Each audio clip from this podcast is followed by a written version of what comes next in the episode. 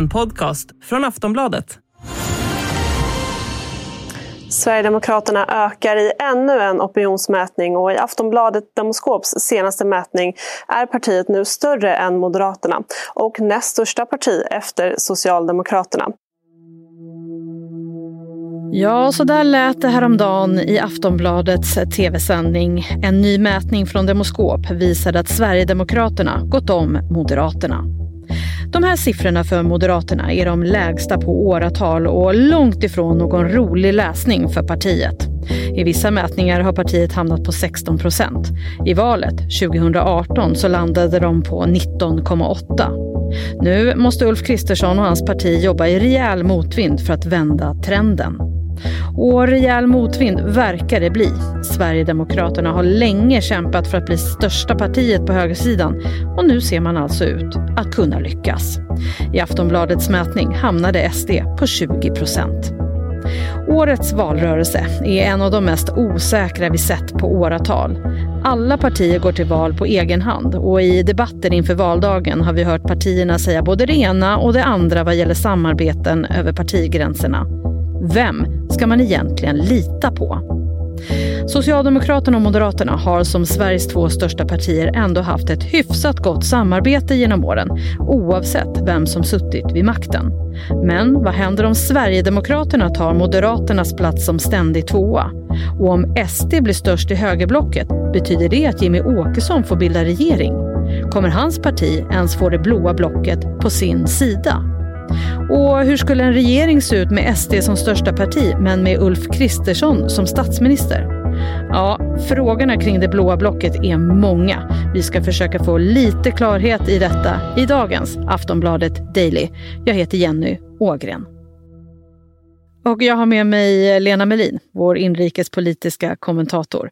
Hon får börja med att svara på vad det innebär att SD gått om Moderaterna. Ja, det innebär ju två saker om det skulle bli ett valresultat, eller minst två saker. Det ena är att en, en, den ordning som har rått i svensk politik så länge någon av oss nästan kan minnas, nämligen att Socialdemokraterna är det största partiet och Moderaterna är det näst största och att när det är mm, maktskifte så tar den ena, det ena partiet över efter det andra. Den ordningen måste ju rimligtvis, i alla fall på sikt, förändras om eh, Sverigedemokraterna varaktigt är det, blir det största partiet på högerkanten. Det andra det betyder är ju också att Moderaternas ställning eh, eh eroderar.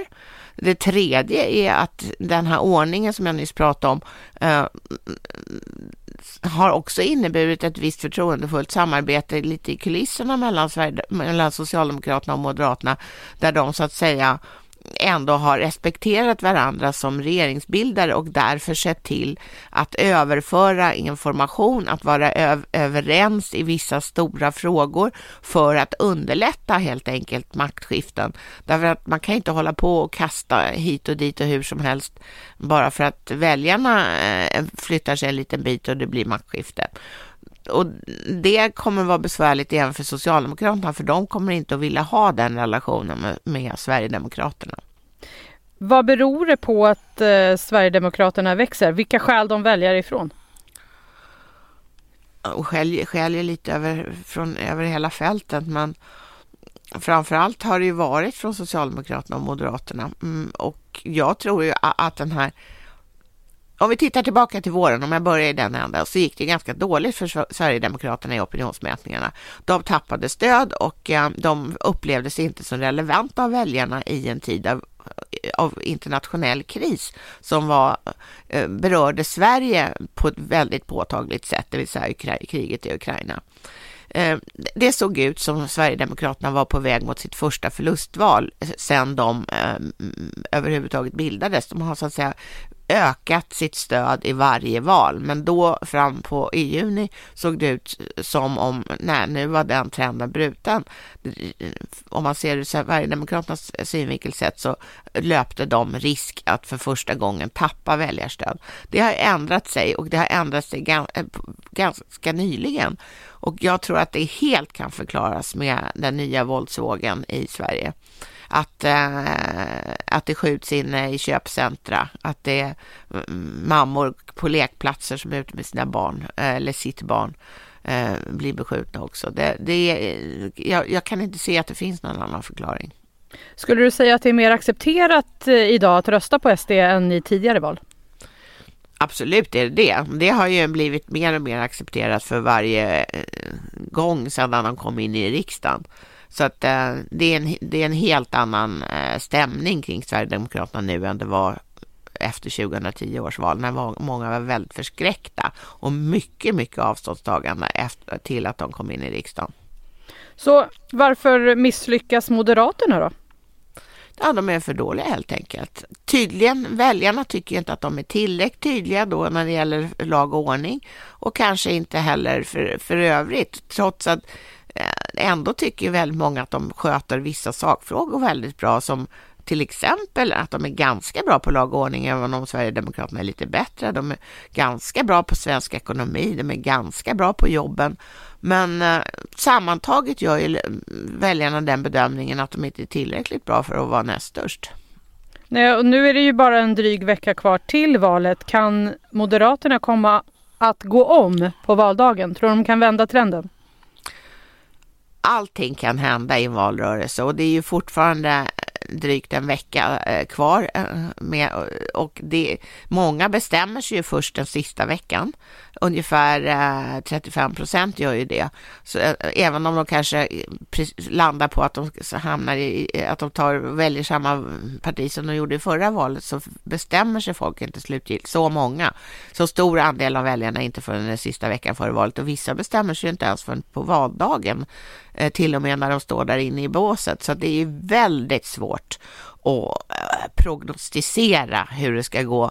För de här sista eh, förändringarna i väljaropinionen, de fångar inte de här opinionsinstituten in. De, eh, de gör inte helt enkelt mätningar på, på, på valdagen.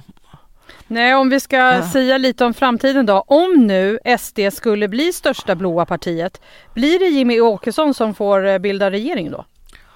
Jag tror inte det. Eh, om, om det, det blå, att den nuvarande högra oppositionen skulle få möjlighet att bilda regering och det är de ju fast, eh, mm, alltså de är ju väldigt inställda på det, då tror inte jag att man satsar på en person som knappt har satt sin fot i Rosenbad, utan jag tror att man till allas båtnad så att säga kommer att hänga fast vid Ulf Kristersson, att, han blir, att de vill ha honom som statsminister och regeringsbildare och att eh, Sverigedemokraterna inte intar någon jätteframskjuten position i det här regeringsalternativet. Det, det som jag tror däremot kommer att ändra sig om de blir st eh, största parti, det är ju det att eh, Moderaterna och Kristdemokraterna har varit eh, väldigt bestämda med att de inte vill att Sverigedemokraterna ska sitta i regeringen.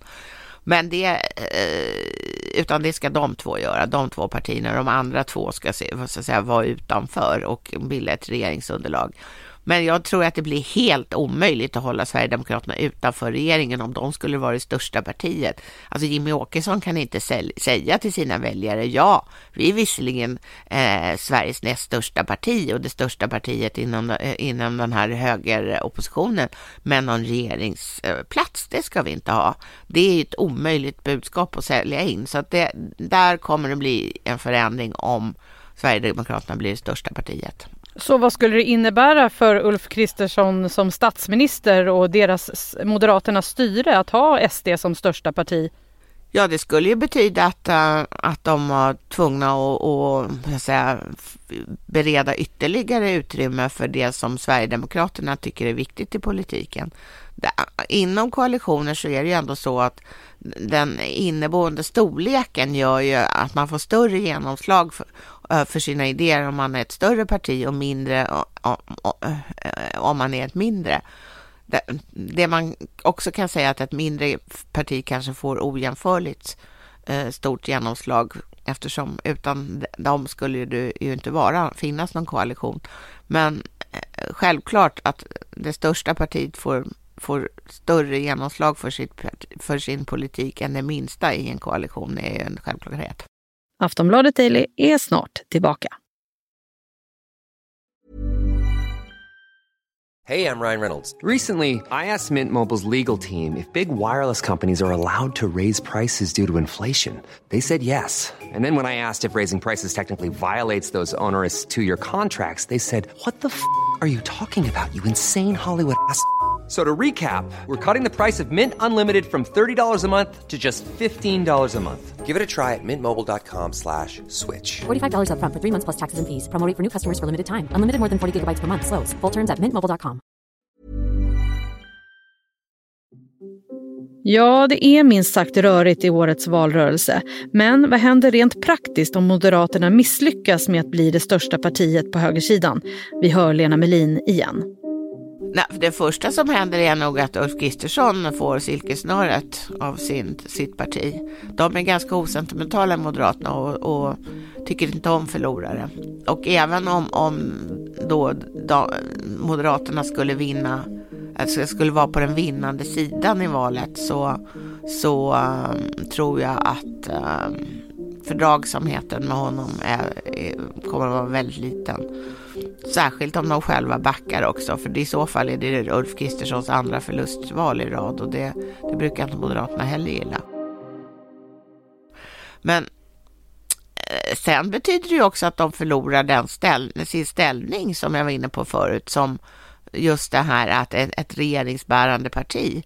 Och jag tror ju om de skulle hamna i, istället så hamna i opposition och Sverigedemokraterna skulle vara det största partiet, skulle ju Moderaterna inte vara det ledande oppositionspartiet, utan det skulle ju självklart vara Sverigedemokraterna. Mm. Och Sverigedemokraterna har ju också en hel del krav för att sitta i regering som Jimmy Åkesson presenterade den här veckan. Bland annat så sa han så här, SD kräver att satsningar på rättsväsendet får prioritet före alla andra satsningar under nästa mandatperiod med minst 20 miljarder.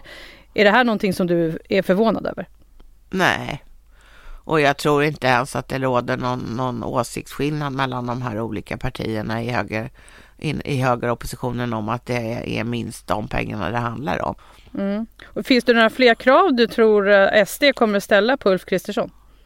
Ett annat krav som jag, partiet har framfört eh, Eh, åtskilliga gånger det är att de inte vill sänka a-kassan och det är ju ett eh, sätt som Moderaterna finansierar en stor del av sina satsningar på i sitt budgetalternativ.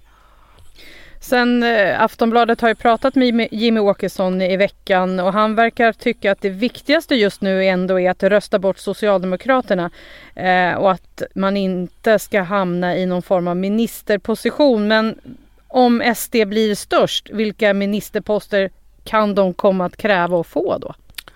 Ja, alltså jag tror att de kommer att satsa på sina kärnområden. De kommer ju vilja ha, vara på justitiedepartementet och kanske ha flera poster där.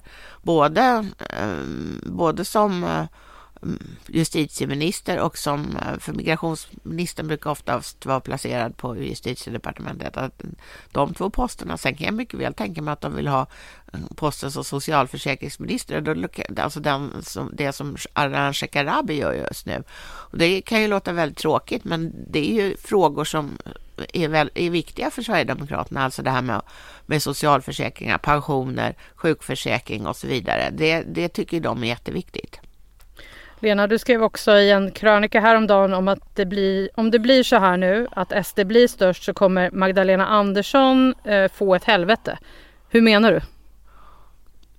Alltså dels kommer hon ju få en opposition, om vi förutsätter att hon vinner valet, vi var, var väl i den, eh, det ljuset jag skrev det här tror jag, att hon, ja. hon sitter kvar som statsminister. Jo, då kommer ju hon mötas av en otroligt mycket mer kraftfull oppositionsledare i eh, Jimmy Åkesson än i Ulf Kristersson.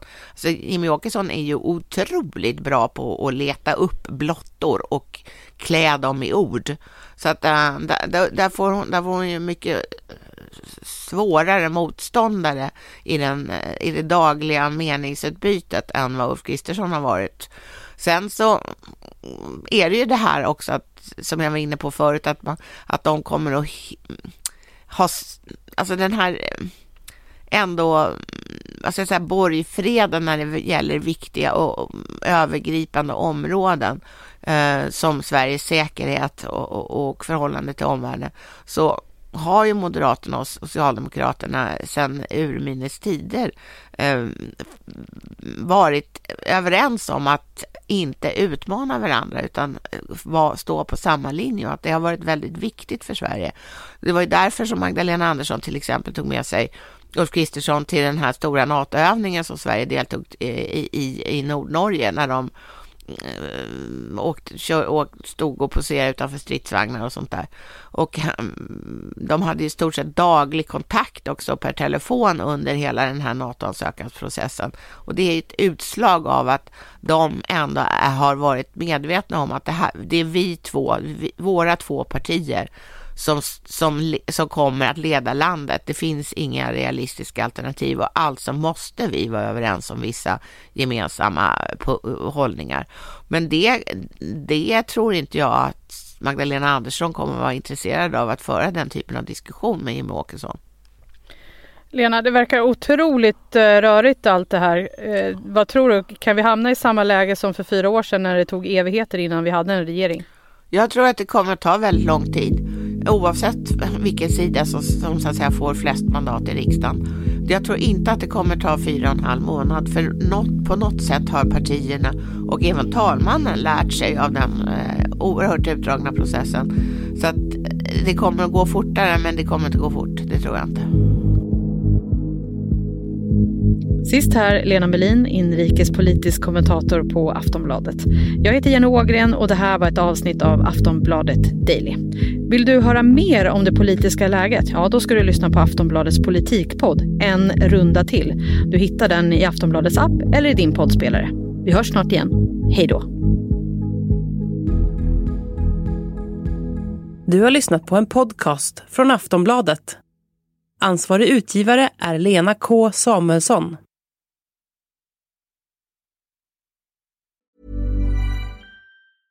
Cool fact a crocodile can't stick out its tongue. Also, you can get health insurance for a month or just under a year in some states. United Healthcare short term insurance plans, underwritten by Golden Rule Insurance Company, offer flexible, budget friendly coverage for you. Learn more at uh1.com.